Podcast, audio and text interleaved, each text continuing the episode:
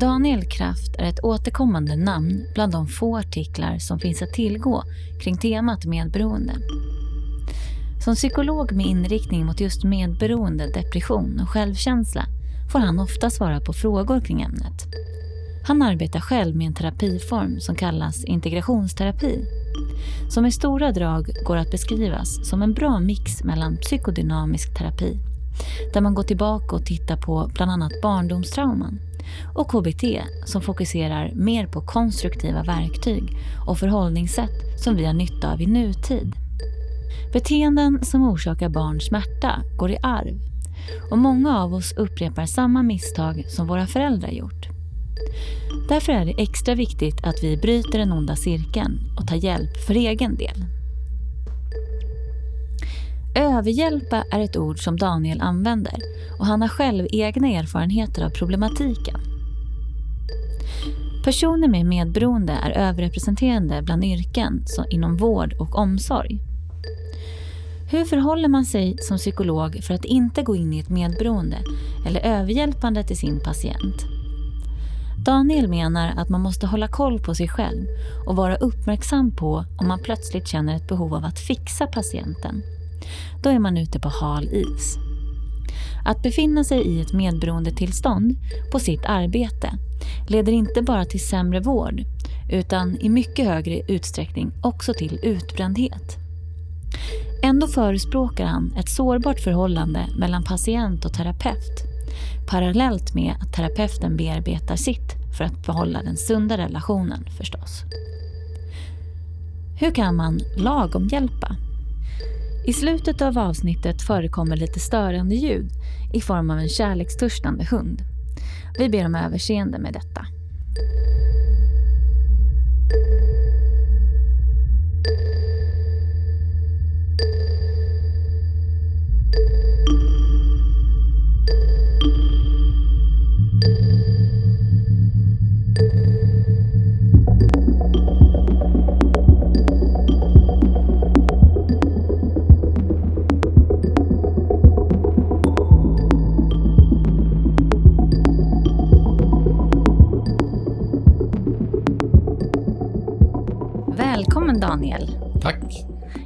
Tänkte om du skulle vilja börja berätta lite om dig själv och vad det är du gör och sådär. Mm, jag är väl här för att jag är psykolog.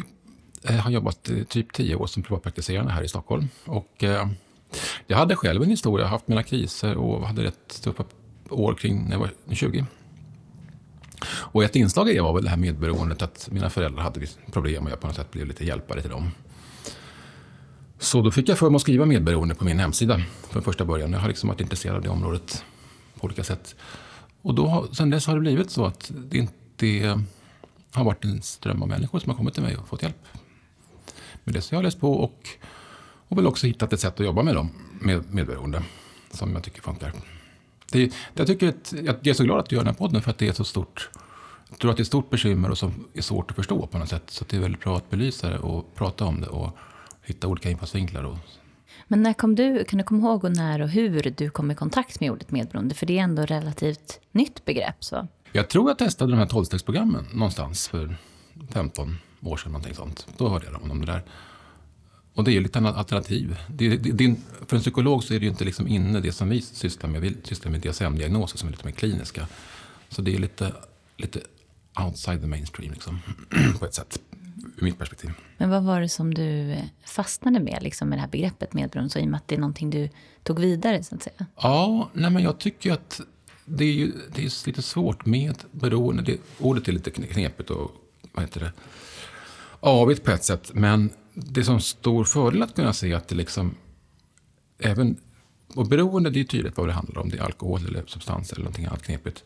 Men här är det någonting som är mycket svårare att ta på, men det är ändå någonting som, som finns och som är, kan vara tufft i sig. Det är ju alltså codependency, det är ju många som har varit lite kritiska när mm. vi säger medberoende. Alltså det går att tolka på kanske lite sätt som inte riktigt är ja, det som är den stora problematiken är så att säga. När man pratar eh, medberoende så, du säger att du har fått eh, patienter och så här. Jag tänker varje historia kan ju se ganska olika ut. Mm. Men vad är det för typ av historier du möter? Ja, jo, men jag tänkte på det innan att jag kan berätta lite grann. Typiskt sett så är det väl ofta en, man säger att det är en ganska normal familj. Det har sett ganska normalt ut. Fint på utsidan ofta. Det är många har ju liksom en typisk medelklassbakgrund eller sådär. Och så är det då en person som kanske har en det, måste inte vara just missbruksproblem, men det kan vara depression eller shoppingberoende eller arbetsnarkomani, men någon typ av väldigt knepig. Och sen så den andra föräldern då, som är mer medberoende. Då. Och sen så har man vuxit upp i Känns, man kanske, känslomässigt kaos eller känslomässigt liksom, krig mellan föräldrarna. Eller ja, jobbig känslomässig miljö helt enkelt i familjen. Och dels tycker jag man kan se att föräldrarna generellt inte är så bra på att hantera känslor. Vare sig med sig själva, med varandra eller med barnet. Och det är det allra viktigaste för barn. Hur hanterar föräldrarna känslor och barnets känslor? Hjälpa, hjälpa barnet med känslor. Och sen så då efter tiden, med tiden så det vanligaste är väl att båda föräldrarna har sina känslomässiga behov kanske. Och barnet går in och för att, för att må bra, för att det ska bli bättre i familjen, för att liksom på något sätt täcka upp på något sätt så går barnet in och hjälper, blir en kurator eller hjälper till, hjälper till med disken, hjälper till att prata med mamma, prata med pappa och så vidare. Alltså hjälparbeteenden som mer och mer byggs ut år efter år. Man utvecklar hjälparbeteenden kan man säga. Men vad är det Mm, jag tänker att folk måste ju komma till någon slags punkt när man känner att det här håller inte. Eh, jag måste söka hjälp. Vad är den utlösande faktorn som du upplever? Ja, det är så typiskt, för det, det, är väldigt vanligt att man har flera misslyckade parförhållanden bakom sig. Det är liksom den typiska bilden. Utbrändhet eller liknande utmattningsproblem är också vanliga, men det är det typiska som jag möter med parförhållandeproblem. Hur fungerar det då? Varför? Det är ju väldigt många som söker sig till destruktiva relationer eller ofungerande relationer när de blir äldre och vuxit upp i, i eh, lite dysfunktionella familjer. Ja, det är som att man liksom per automatik blir så bra på att hjälpa så att man dels hittar man en partner som behöver hjälp och så liksom rullar det där på så att det blir som ett rolltagande. Att den ena har problem och den andra hjälper till med problem. Och så rullar det på i år efter år. Det blir svårt att bryta för att man blir så expert på det. Man, man blir så van vid det. Det blir som en andra, andra hud på något sätt. Jag tänker det att det är ju väldigt många som... Alltså, när man pratar om det så, så låter det som att folk har så här... Du har problem, dig ska jag eh, inleda en relation med. Och så är det ju såklart inte riktigt att man tänker. Utan det är ju som någonting som, som sker. Och jag vet många som jag pratar med eh, menar att de har haft sån otur Eh, så att säga, med, med relationer, men även vänskapsrelationer och så. Och det där är intressant, att det känns som att väldigt många är omedvetna om det här. Vad tror du att det beror på? Jag tror att det på något sätt lagras lite djupare i hjärnan, de här jag brukar beskriva det som en stämning, på något sätt en aura, eller vad ska man säga, någonting att man, man på något sätt ett omedvetet, vi kan kalla det ett minnesspår. Att man, man känner igen problem. Och så är det nästan som att man inte, med, man inte är medveten på ett medvetet plan, men att på någonting i en drar en åt det hållet. Så det är många som kanske har haft en problemrelation och sen bestämmer sig, nu skiljer jag mig, nu hittar jag en ny partner. Och sen så är det någonting omedvetet långt inne i hjärnan, i de känslomässiga delarna av hjärnan, som drar in en i någonting, en annan liknande relation på något sätt. Nu sa du utmattningsdepressioner och så, men jag tänker att det är ofta så att de här personerna som är medberoende ofta lider, precis som du säger, att de är den som är den sunda i relationen. Att man kanske förhåller sig till någon annan som har uppenbara problem. Och det känns som att det kan vara en faktor också varför man står ut så länge. Det är inte riktigt att jag som medberoende upptäcker att jag har problem, utan jag fokuserar på alla andra och alla andras problem. Ja, men precis. Det är det som är den stora fördelen med, det begreppet, tycker jag. Att det sätter fingret på någonting komplext, men som är ett problem. Det är därför man vill använda den begreppet. Jag tänker med din terapi och sådär. Eh, för du sa att du har liksom utvecklats, att du har börjat jobba med medberoende. Att det var någonting du fann och började läsa på och snöa in dig och sådär. Var det på en gång att du började få patienter? Eller har du liksom märkt någon skillnad nu i... Jag tänker media så har det ju samtalats mycket om, om medberoende senaste ja, men två, tre åren kanske. Har du märkt någon skillnad i de som söker sig till dig? Nej, jag tror att den här, de här tankarna, tolvstegsrörelsen och böckerna, de har funnits med ganska mycket. Men jag ska ju säga att jag har fått otroligt lång väntelista de senaste åren. Så det, det, det har nog vuxit, medvetenheten, absolut. Men det har ju funnits i många, många år. Det är 15-20. Jag har ju varit i kontakt, jag har ju liksom verkligen rotat runt bland medberoendebegreppet och så. Och du är ju en eh, en person som återkommer och, och får ofta svara på frågor och sådär i, i, tidningar och så. Så det blir ju liksom en, en person som representerar medberoende på något sätt. Oj, oj, det, ja, det, blir, det blir ju indirekt så liksom när, man, när folk söker sig och bara oj. För det är ju ofta den här känslan att man måste känna igen sig i någonting för att upptäcka att vänta nu, jag kanske har det här problemet och så. Jag har haft lite samtal med forskare och sådär. Och det finns ett samtal huruvida man skulle sätta medberoende... Du jobbar exempelvis med depression och så också. Och då tänker jag att depression är ändå kliniskt begrepp. Så. Mm, mm. Men medberoende är ju inte det. Och då har vi pratat lite huruvida det skulle kunna vara en fördel att, att sätta en diagnos som skulle vara medberoende. Har du några tankar på det? Ja, jag tänker på något sätt att man skulle kunna prata om över... Ska man säga, vad sa jag Överaktivitet? Någonting i stil med överstark. Någonting, man skulle hitta på någonting på temat att man, man gör för mycket för andra. Eh, och medberoendet skulle jag då kanske inte välja i sådana fall. Men att, men att helt klart så finns det någon kategori som, som jag tycker medicinen och psykologin inte riktigt ringar in på ett bra sätt. Och om det ska kallas medberoende eller inte, det, det är kanske inte lika intressant. Men absolut att det finns behov av att ringa in någonting. Sen om DSM är bra verktyg för det. Det, det, du vet, det finns ju en poäng med att människorna lite, lite leker med diagnoserna själva också. Att det liksom brukar, brukar projekt där. Det finns ju en poäng med det. Det finns en hel debatt om är det bättre att man sätter diagnosen på sig själv eller är det bättre att en läkare gör det. Det finns ju för och nackdelar. Jag, jag kan se en stor fördel med att det är en så att säga, brukarvänlig diagnos som man, de flesta läser i böcker man pratar om. Istället för att det är en klinisk vetenskaplig för det som är problemet då, det är ju att samhället så att säga har inte riktigt den här uppfångande effekten för, och man pratar ju ändå om anhöriga, men fortfarande så är det ju jag pratade med forskaren Fred Nyberg som är beroendeforskare. Och just det här hur eh, det, det skiljer sig väldigt mycket från kommun till kommun, hur man fångar upp de här personerna. Och framförallt de som får mest är barnen. Och där eh, var det ju ett samtal då om man skulle kunna ha det här som du var inne på, ett litet uppfångningsnamn. Liksom, att det finns mm. symptom. Och jag tänker det här som du var inne på, att många sökt när de har gått in exempelvis i, en, i, i väggen eller i en djup depression eller så. Att det eh, blir ju nästan som ett symptom på det här liksom, medberoendet. Mm. Överhjälpsam förresten, hade jag tänkt. Mm. Det skulle kunna vara. Jo, absolut. Jag håller helt med. Och jag, jag möter ju ofta på människor som säger att jag har gått till tio läkare, eller tio socionomer, eller tio kuratorer, eller någonting sånt där. Och problemet är att man, man framstår som ganska kompetent och verbal och smart kanske till och med. Eh, och kan prata om saker och ting. Och jag kan, man kanske till och med kan beskriva sig själv ganska insiktsfullt. Men att det är känslomässiga knutar som är lite djupare som är svåra. Och det, kan, det är säkert lätt att klappa någon person på axeln, men du verkar ganska insiktsfull och skicka vidare, skicka vidare personen. tror jag. Eh, de som jag har talat med som vittnar om lite liknande grejer. Att man dels har väldigt svårt att sätta ord på upplevelser och känslor och så. Och sen också att man inte riktigt vet vad det är för känslor som, som alltså det händer någonting i kroppen. Men det är liksom så här, är det vrede eller är det rädsla eller är det eh, sorg? Eller, alltså att det finns inte riktigt den här kontakten med de olika typerna av känslor. Utan det är mer som ett obehag. Ja men precis, det är ju det som är lite grann nyckeln som jag jobbar. Att, att man, jag väldigt mycket sätter fokus på mina känslor, mina behov.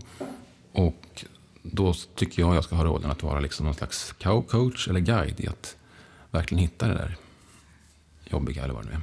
Men du jobbar även inriktat mot självkänsla också. Mm. Och det är ju någonting som, på tal om det här med att känna sina känslor, men framförallt att det finns en sån här underliggande känsla hos många medberoende att man liksom inte har det här självvärdet. Utan mm. för att duga så måste jag liksom få bekräftelsen utifrån och då till exempel hjälpa eller så för att känna sig bättre. Vad, vad har du för tankar och vad är, vad är självkänsla för det första? Även självkänsla är ett luddigt begrepp, men absolut, då blir det ju som att man man blir nästan som någon slags... Eh, att man måste, om man i grunden har någon slags bristande självkänsla så blir det som att man måste få den där på något sätt kicken av att kunna hjälpa andra eller åstadkomma någonting i yttre form. Prestationer eller hjälp för att känna sig bra på något sätt.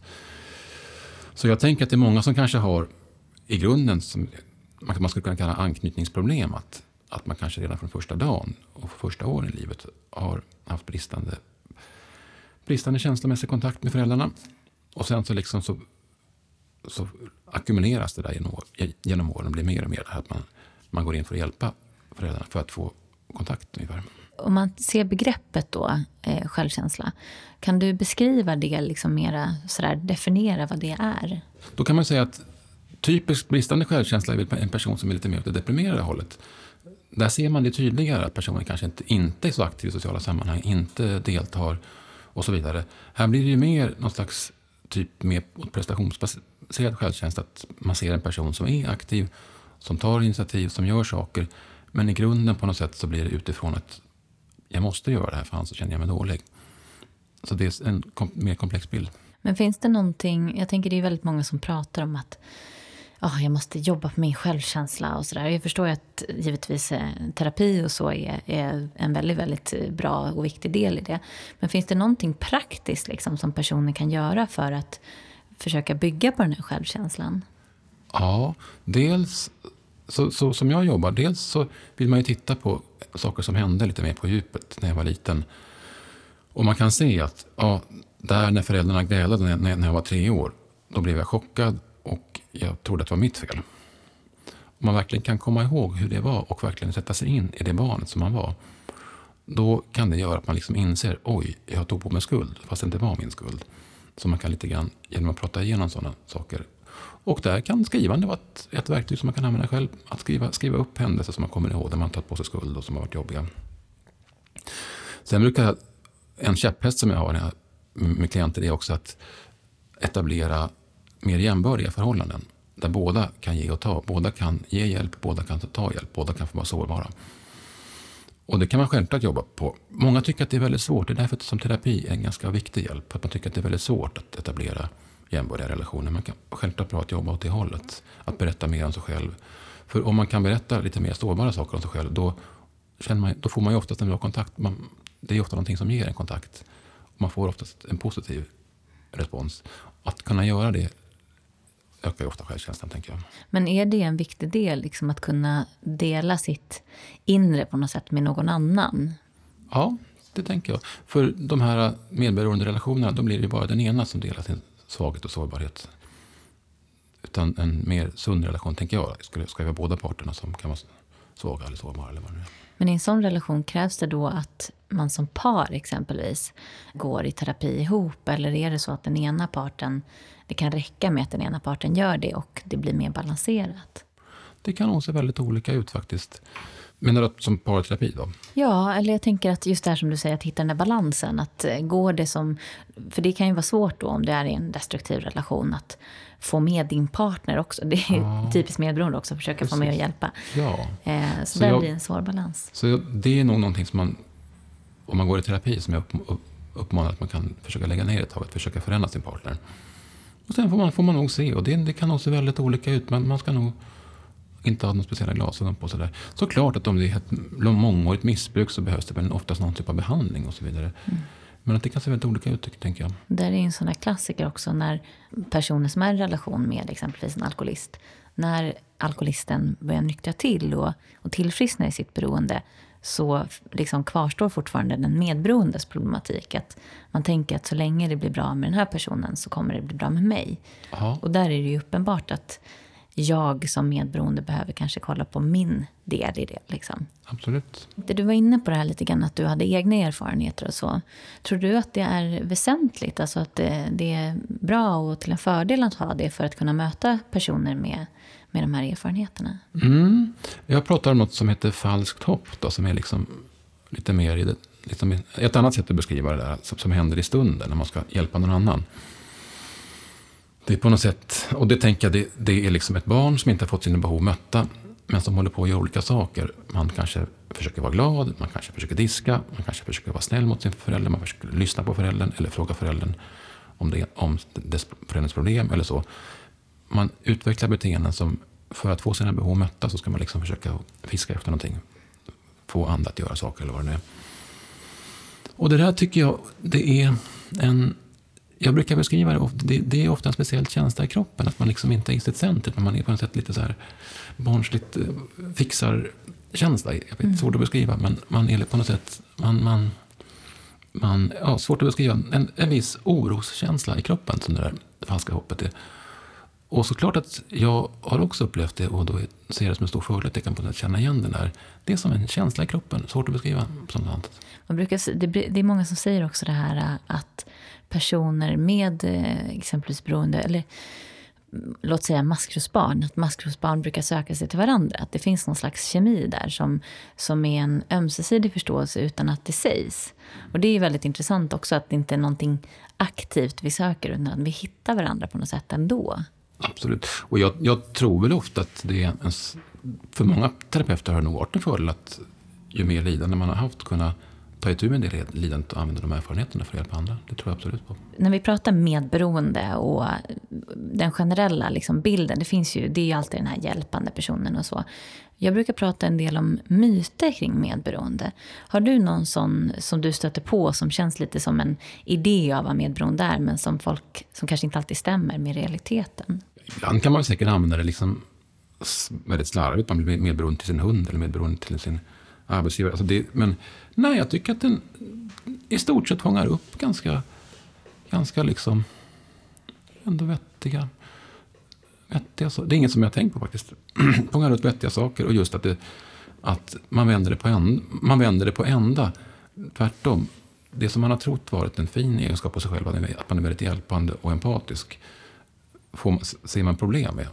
Det, det tycker jag är på något sätt en genialisk begrepp på så sätt. Mm.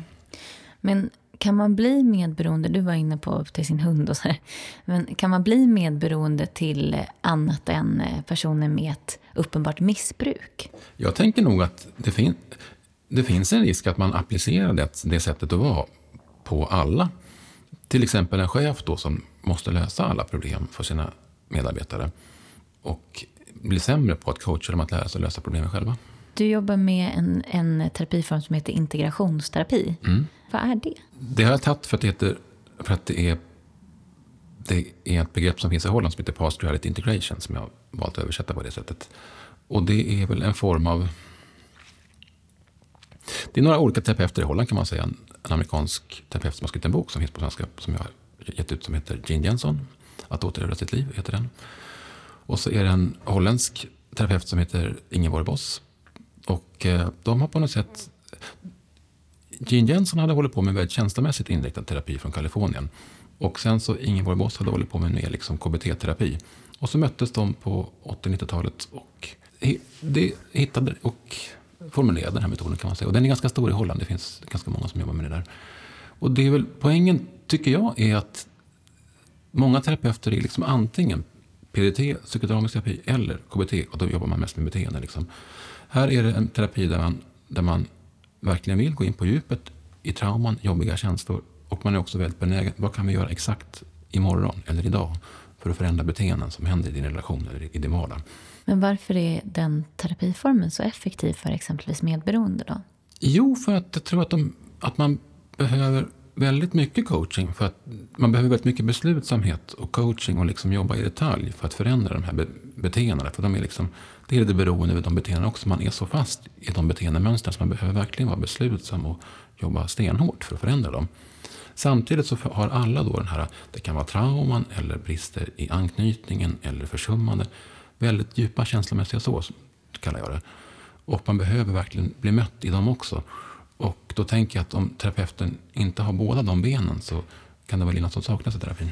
Om en person funderar över huruvida den är medberoende eller inte, vad är, har du några så symptom eller tecken eller någonting som, som man kan utgå ifrån? Ja, jag försöker liksom snäva in det just på den här läggningen att vara väldigt hjälpsam, överhjälpsam eller vad man nu kallar det.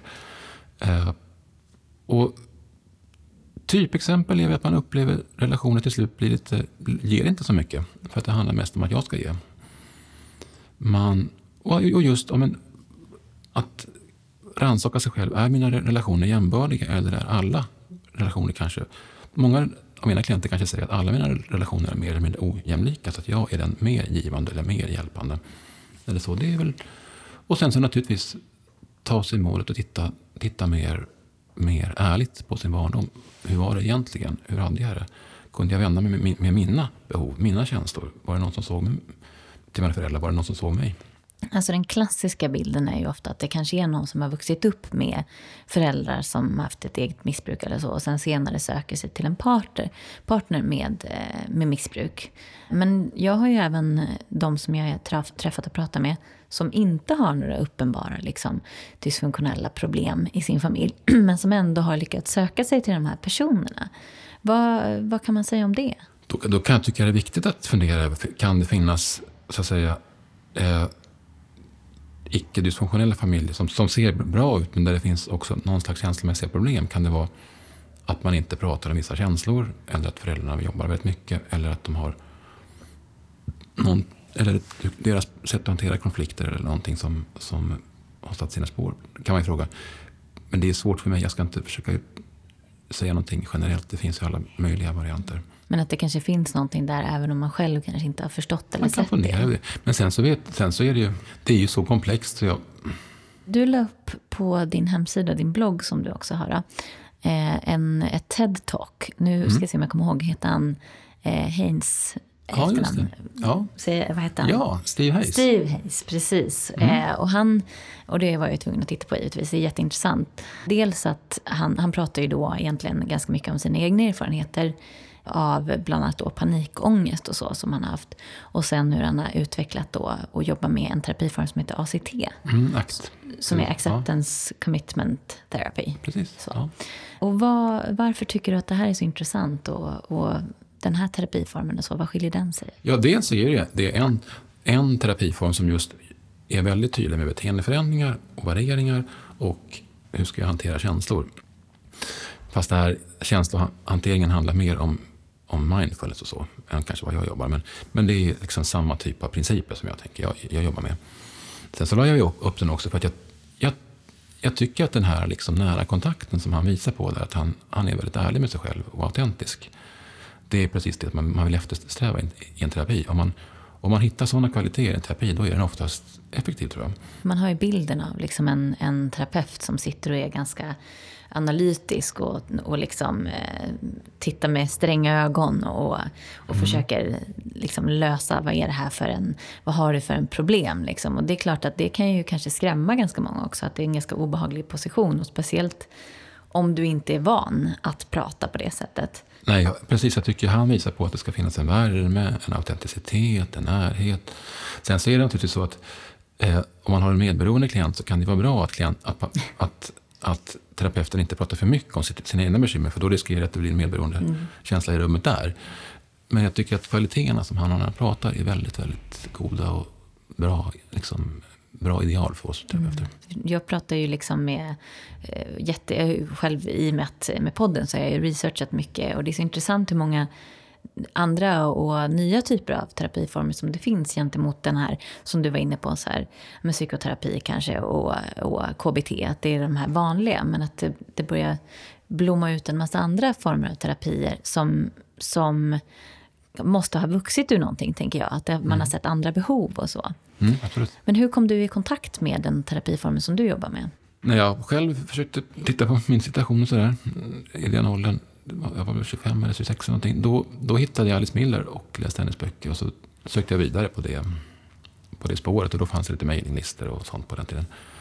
Så då kom jag i kontakt, kom kontakt med Jean Jensen och sen så följde det på det. Hon, hon började åka till Europa och Holland då slutet på 90-talet.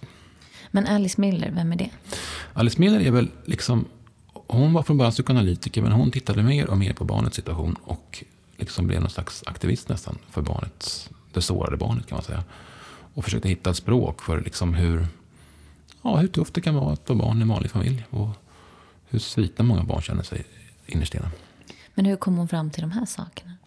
Hon var inne på självterapi. Hon, väldigt, hon, hon målade mycket, skrev mycket och liksom tittade på sin egen bak, bakgrund. Hon växte väl upp på något sätt delvis under andra världskriget. Mm. Så, så hon på något sätt bröt med psykoanalysen, för hon tyckte psykoanalysen var lite för teoretiskt och liksom högtravande och inte tillräckligt känslomässigt involverad i det här barnperspektivet.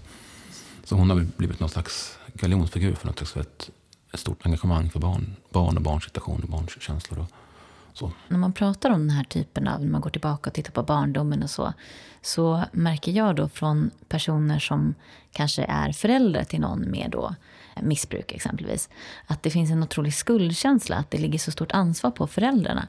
Hur kan man förhålla sig till det? Precis, Alice Miller är en av de som mest har liksom försökt ta, ta, ta, ta, lyfta fram föräldraskuld. Och jag tyckte det var, det var någon svensk barnläkare som sa att ja, Alice Miller hade sagt, sagt men såklart föräldrar ska ha skuld.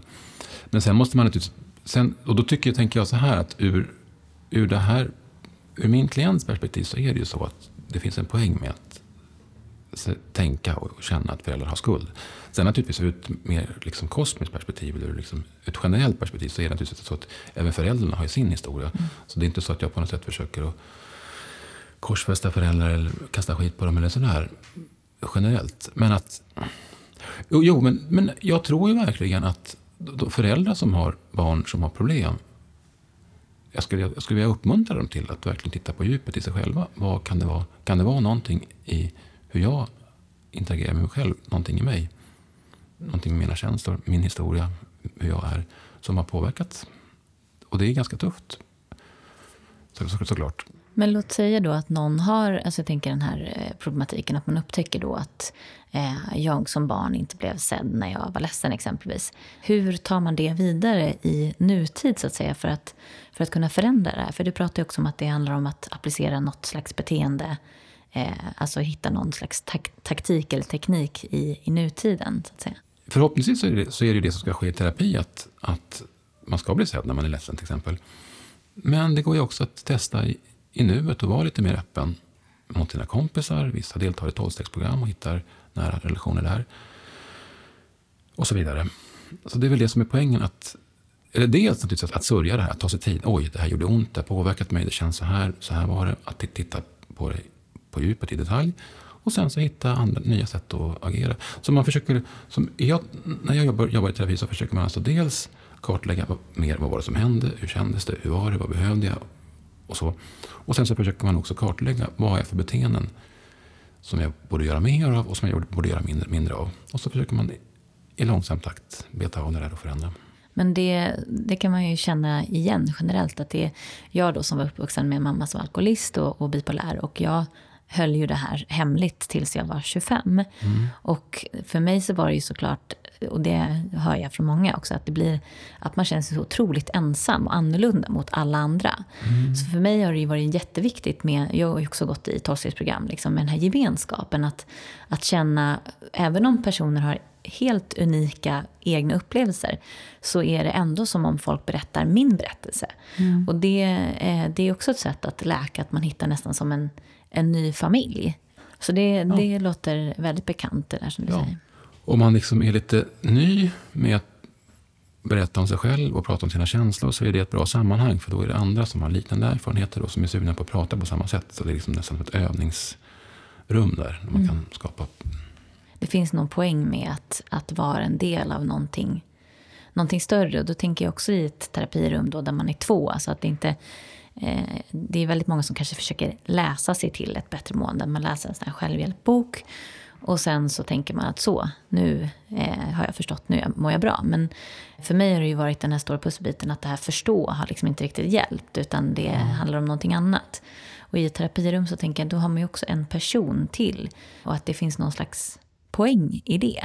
Det här tycker jag är verkligen liksom ett problem där man måste jobba på flera plan och att andra människor är så otroligt centrala mm. att komma vidare. Mm. När du träffar dina patienter och så. Ut, alltså jag tänker, du har ju liksom då depression, självkänsla och medberoende som, som tydliga inriktningar, i alla fall via din hemsida. Bemöter du dem från början på samma sätt? Eller är det redan från början lite olika inriktningar? Ja, som, som det har blivit nu så har det blivit att det kommer många som redan från början beskriver sig som, som medberoende. Och då har jag liksom några små punkter som jag, liksom, som jag har i bakhuvudet där man försöker kartlägga lite grann hur det har sett ut såklart. Och just vad det är som är medberoende beteenden. Och ibland så är det någonting som pågår. En, att man har en problematisk relation eller någonting sånt som pågår. Måste man göra någonting åt den på en gång? Eller kan man liksom börja jobba på något annat plan? Och sen bara börja kartlägga det här, hur, hur det ser ut. Mm, ja, kan, ja, men kanske så här att man kan använda begreppet försvar till exempel. De här personerna har lite starkare försvar. Man är bra på att prata om andra saker till exempel. Så där kanske jag måste vara lite mer styrande och verkligen långsamt, sakta men säkert hjälpa till och styra in samtalet på det som är svårt. För det är det som man gärna undviker. Om. Det är kanske en generell förhållningssätt. Är det olika då hur snabbt du når in så att säga? Eller? Ja, såklart. Det, det finns ju människor som har gått flera år i terapi innan de kommer till mig. Och sådär. Så det, det är otroligt olika. Men det, men det är just lite, det är just den grejen. Det är en väldigt typisk grej. Då, alltså, att det är, man är bra på att prata om andra, andra människors känslor, andra människors problem. Teoretisera kring det och så vidare. Men att prata om sig själv är så väldigt svårt. Och då måste jag använda en väldigt, väldigt gradvis metod. Det är det som, är, det är det som jag hoppas att jag har lärt mig. Men att det, det är ganska, ganska utmanande. Ja, för det är ju ett väldigt förtroende också att sitta där och möta personer som kanske inte har berättat, som vi sa, för någon tidigare. Och så blir du den första personen som de anförtror sig till. Det måste vara, alltså det är ju ett stort ansvar liksom. Ja, herregud. Ja, ja, ja men det, det är verkligen jag, jag, jag, jag har ju tur att ha handledning också. Det säger jag liksom varje gång att det, det är helt mäktigt. Det är helt, mm, ja, det är väldigt otrolig grej att få sitta med mm. sitta med helt enkelt. Jag vill självklart vara väldigt ödmjuk och andäktig inför det. Är det inte lätt att gå in och känna att man nästan utvecklar ett medberoende där? Mm. Jo, men då får jag hoppas att jag åtminstone har lite koll på mitt eget medberoende. Faktiskt. Det, det, är viktigt. För jag, en, en, jo, men en, en bild som jag har är att, som jag också ibland berättar med mina klienter, att jag kan luta mig tillbaka lite grann. Om jag, om jag känner den här energin att jag vill fixa den andra. Att jag börjar prata, du borde göra så här, att jag liksom på något sätt drar iväg och vill fixa den. Då behöver jag ju verkligen luta mig tillbaks och inte, liksom, vad heter det, slappna av lite grann. Mm. Och verkligen ha den känslan att vad kan jag göra som hjälper dig att fixa ditt liv? På något sätt att bolla tillbaka bollen på något sätt. Ja, för jag tänker det är ganska många också. Alltså en sån här typisk överrepresenterad grupp som, som har väldigt många medberoende hos sig är ju vård, eh, vårdarbeten generellt. Liksom. Ja. Vård och omsorg.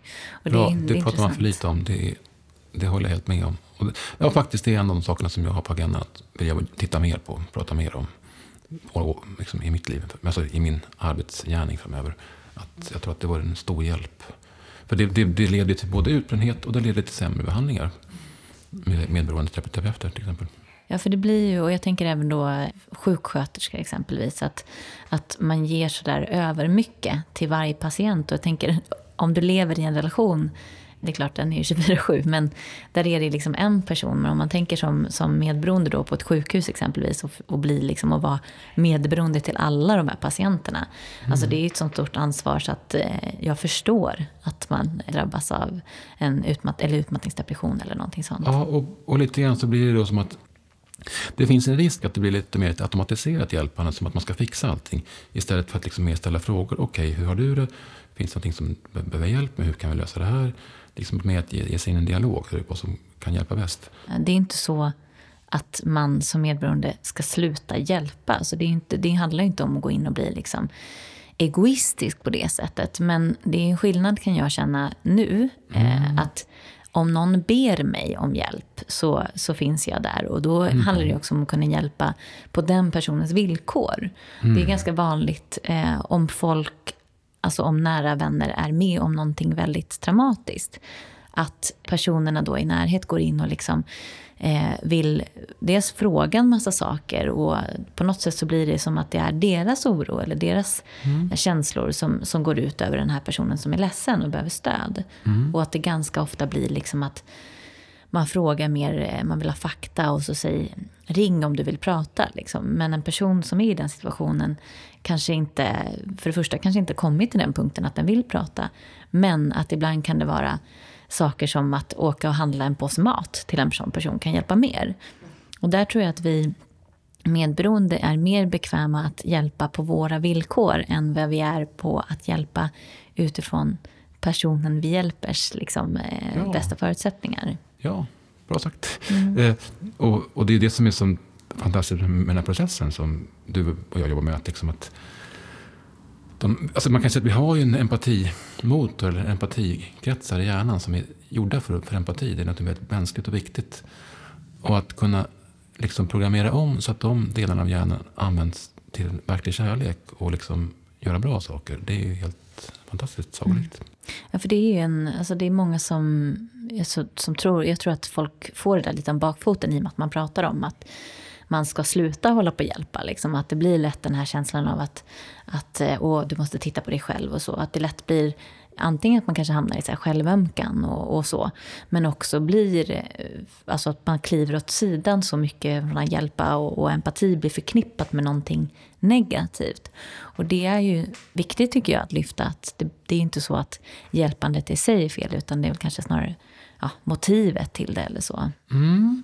Och då, då brukar jag prata om den här med, alltså, falsk toppenergin. Att om man känner att man är orolig eller måste fixa, eller att det är någonting som gnager eller på något sätt pockar på ens inre, då kan det vara ett tecken på att, att man är inne i mer typ medberoende falsk topp. Så att det inte liksom, då, då är det inte sällan som det, det här leder till att det inte blir bra för den som får hjälpen heller. Men om man känner ett lugn, att man kan luta sig tillbaka och vara mer, vara mer finnas till. Ja, falskt hopp är en bra eh, beskrivning. Vad, vad syftar du till när du säger falskt hopp? Nej, men det är just det här behov som man inte har blivit mötta som barn och som man utvecklat beteendemönster för att få sina behov mötta. Det kan vara att hjälpa, att vara glad, att, ja, även dagdrömmande på något sätt, att fixa till det. Mm, just det. Och då finns det ju oftast jobbiga känslor någonstans där i grunden, i botten. Kan man bli botad från sitt medberoende, tror du? Ja, jag, ser, alltså, jag, jag, jag är jätteglad att kunna se människor hela tiden som, som får bra relationer, bra liv och så vidare. Men sen så tror jag med de här psykologiska grejerna att det är väl på ett plan olika väldigt djupa programmeringar i hjärnan som kanske inte går att förändra.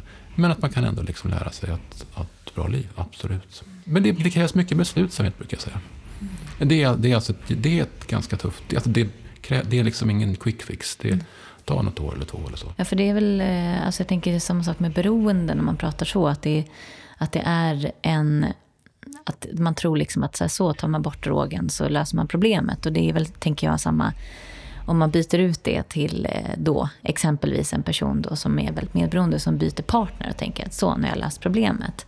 Och där, eh, det är ju viktigt att, att påpeka att det där problemet försvinner ju inte för problemet liksom är ju i oss på något mm. sätt. Mm. Jag tänker om man, om man funderar på om man är medberoende, man funderar på sin situation med relationen och, och, och lite osäker på vad man ska göra.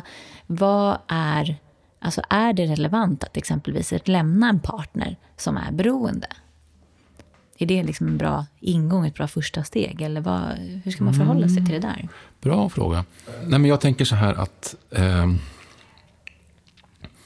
Jo, då kan, man, då, då, då, då, kan det vara bra att först göra en slags reality check. Är, finns det någonting som är farligt? Till exempel om är mina barn på något sätt skadade av den här situationen? Kan jag begränsa den skadan? Kan jag göra så att barnen bor hos mormor? Eller kan jag åka till mormor på helgerna? Eller, alltså, finns det någonting konkret som är verkligen skadligt? Eller har personen mitt kreditkort och köper, köper alkohol för pengarna? Eller finns det någonting sånt? Och ofta så kan så är det kanske ingenting i konkret, i yttre form, utan det är mer att man lider känslomässig skada. Då, då, då, då, finns det en stor poäng att börja med att titta på sig själv. Att besöka en självhjälpsgrupp, läsa på, skriva dagbok, titta, skriva, skriva om sig själv eller gå i terapi eller så, och ta lite, ge det lite tid.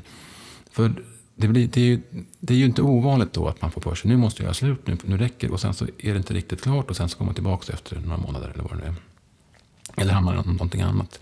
Jag tror jättemycket på att om det är inget akut som händer eller någonting som på något sätt skadar, skadar någon så kan man liksom jobba i relationen ett tag. Och det kan ju till och med vara så lyckligt så att om jag blir lite tydligare med, mig själv, med mina behov, vad som är bra för mig, så kan det vara liksom input för den andra att gå vidare i, i sitt liv. Så att ofta så vill man jobba en tid själv, liksom med sina egna problem i början, först. Ja, för jag tänker, vad är då liksom det mest lyckade scenariot om man tänker att du som eh, medberoende kommer fram till att du är medberoende och börjar gå i terapi. Vad, vad är det bästa scenariot så att säga som det kan bli av den här och om du då är kvar i den här relationen exempelvis? Jo, det är ju fantastiskt såklart om man ser att båda personerna tar till sig på något sätt några psykologiska begrepp. Det måste ju inte vara så att båda måste gå i terapi. Jag tror inte att terapi är någon liksom lösning för alla, men att båda kan ta till sig lite så psykologiska begrepp och börja titta på sig själva, liksom, hitta vidare och bryta upp de här mönstren på något sätt. Det händer ju till exempel att båda, att en min klient tar med sig sin partner och så kan man hitta någon slags ha några möten, jag och, alla, jag och båda personerna. Mm. Och vi hittar någon slags bas för hur man jobbar vidare. Enkla liksom, förhållningssätt eller så. Det är fantastiskt om man kan med mm. åt det hållet. Många som, som börjar då fundera. Jag märker ju folk som, som lyssnar på podden som hör av sig. Och så att det, att det är den här rädslan av att men vadå, måste jag lämna den här personen på en gång? Och det är mycket rädsla som kommer upp. Och, och att jag tror att ganska många vill göra något drastiskt. Alltså man tycker inte om att vara i en obehagsprocess. Liksom. Och det är väl också en del varför man vill hjälpa och fixa saker. För att det är ganska ah. jobbigt själv att vara i någonting. ja, nej men där sa du sant. Och det skulle kunna vara ett, ett tecken på att man har kommit till en bra terapeut. Att, eller att man har en bra kompis. Så om, om terapeuten eller kompisen kan gå med i den här obehagliga processen och mm. inte skynda på det att man verkligen får tid att vara i det här jobbiga. Osäkerheten, tvivlet, smärtan. Mm. Att jobba, vad, är, vad är min historia? Vad är nu, här och nu-relationen? Vad är, vad är problemet egentligen? Mm. Kan man ta sig igenom den ganska jobbiga, smärtsamma ångest, liksom ångestprocessen mm. så, så det är jättemycket vunnet i det. Om det är någon som känner igen sig i, i det här, liksom när vi pratar om medberoende och de här situationerna och så. Vad har du för rekommendationer? Vad ska en sån, vad är första steget? Vad ska man göra? Ja, det är fantastiskt att det finns internet. Det finns en massa på Youtube, det finns poddar, det finns eh, liksom eh, texter, bloggar och så vidare. Det kan se så olika ut. Som sagt, det är viktigt att veta att i vissa fall så måste man kanske vända sig till en kvinnojour eller till SOS eller en annan hjälpinstans för att få den här första hjälpen. Alltså att begränsa om barn far illa eller någonting sånt. Det är jätteviktigt att ta, ta, ta med det. Men annars så kan, ja, men det kan, du är inne på det, att man kan ta det ganska lugnt. Man kan i egen hand läsa på, i egen hand gå och grunna lite. Jag tror, det är inte ovanligt att om man lever i det här vardagen med att det kanske finns en ständig risk att partnern kommer hem full till exempel, eller något annat problem uppstår. Att man lever med en ständig stress. Så vad, vad kan jag göra för att minska min stress? Mm. Kan jag gå på Friskis fyra gånger i veckan och det blir lite en fristad? Att jag stannar där en stund efter, att jag får mm. lite grann lugna ner mig i, i min Friskis träning. Så frågan är, om man har stress, kan jag göra små saker som lindrar den stressen? Kan jag bo någon helg då och då hos mina föräldrar eller hos någon annan släkting? Alltså sådana där enkla, enkla saker som ger mig lite andrum. Och sen så naturligtvis de här sakerna vi pratar om i terapi, och läsa på och mm. titta på sig själv. Ja, för det är ett ganska stort steg alltså, som medberoende att vilja hjälpa alla hela tiden till att då ta hjälp själv. Alltså det är ett stort steg, tänker jag. Ja, precis. Och där kan man ju också kanske gärna med hjälp av en god vän eller, så, eller en, eller en terapeut. Se över, finns, en, finns kanske på något sätt, jag kanske kan distansera mig lite grann från min kusin eller min kollega som är så involverad i Man kanske måste skapa sig lite space även där. Att jag kanske måste vara lite mindre, svara lite mindre på andra personers bollar under en period när jag själv går in i min terapi och ifrågasätter lite grann. Det kan ju också vara en tanke. Men om någon skulle vilja komma i kontakt med dig och, och, ta hjälp av dig och det du gör, hur går man tillväga då? Jag finns på psykologdanekraft.se som, en, som min hemsida och tyvärr så har jag fått mycket att göra. Så att jag kommer starta en grupp i höst, i augusti 2016 med, med, med, med en gruppbehandling tänkte jag testa. Mm. Så att det mer kan få hjälp helt enkelt. Och när jag tänker så här så tänker jag att det kanske är folk i hela landet som hör det. det, kan, det är en tanke jag har. Att mm. Finns det efterfrågan för grupper liksom mer på nätet. Det, kan man, det, det ska jag tänka på. Det tror jag är väldigt, för det får, jag får ju som sagt mycket mejl och kommentarer från folk att, att det är väldigt Stockholmsbaserat. Men många är sådär, men vart kan jag vända mig? Och bor du i en liten ort liksom, eh, mm. uppe i Jukkasjärvi, nej, men liksom då, då kanske det är svårt att få, få den här typen av hjälp. Så det är väl en, en bra, det vore väl en bra framtidsplan. Mm. Men några sista ord, tänker jag så här, generellt medberoende. Vad kan vi sammanfatta? Det viktiga är kanske att, att prata, alltså att våga titta på det. Eller vad? Ja.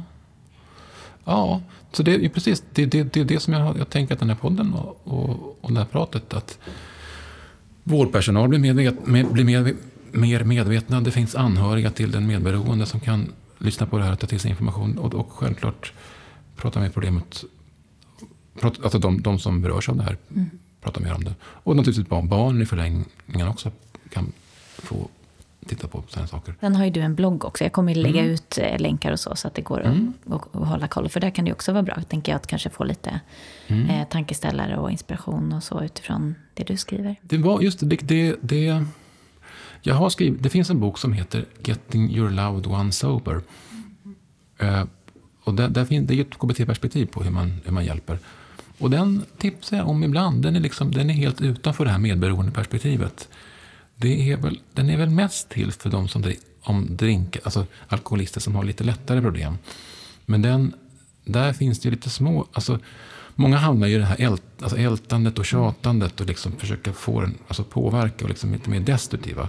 Och den, den eh, försöker måla upp att man kan hitta strategier om man har en alkoholist eller liknande med alkoholproblem man lever med. Man kan hitta strategier som är mer funktionella. Så man kan göra små förändringar men ändå, ändå vara medveten och ändå göra det bästa av situationen. Mm. Men den går ju lite mer ut på det här perspektivet att man stannar kvar och man gör, försöker göra det bästa av det. Och då är det väl ofta så att då är det på en viss nivå att det går, att det går att på något sätt kanske leva med. Men det, det kan vara ett tips också man kan, om, man, om man vill läsa på olika perspektiv helt enkelt. Just det. det är, jag märkte när man går in på och söker på medberoende litteratur så är det, det är inte så mycket som, som finns att tillgå just när man söker på det. Men det är ju, tittar man ur USA-perspektiv så finns det ju desto mer. Men det där är ju en jätteintressant bok som jag får tipsa om. Det. Ja, för att jag, jag, håller med lite grann om att det har blivit en genre som är ganska, liksom, att det är ganska liknande perspektiv där. Så den är lite, den är lite mer typiskt KBT-inriktad. Vad fint. Då vill jag tacka så otroligt mycket Daniel att du var med och delade så fint. Tusen Stort tack. tack. Vill du komma i kontakt med Daniel och veta mer om hans verksamhet kan du gå in på www.psykologdanielkraft.se. I Daniels blogg finner du massor av inspirerande tankar och fakta som kan vara spännande för dig som är medberoende. Bloggen finns på www.detkänsligabarnet.se. Läs mer om medberoende och vad du kan vända dig på vår hemsida www.medberoendepodden.se. Och följ oss i sociala medier där heter vi givetvis Medberoendepodden.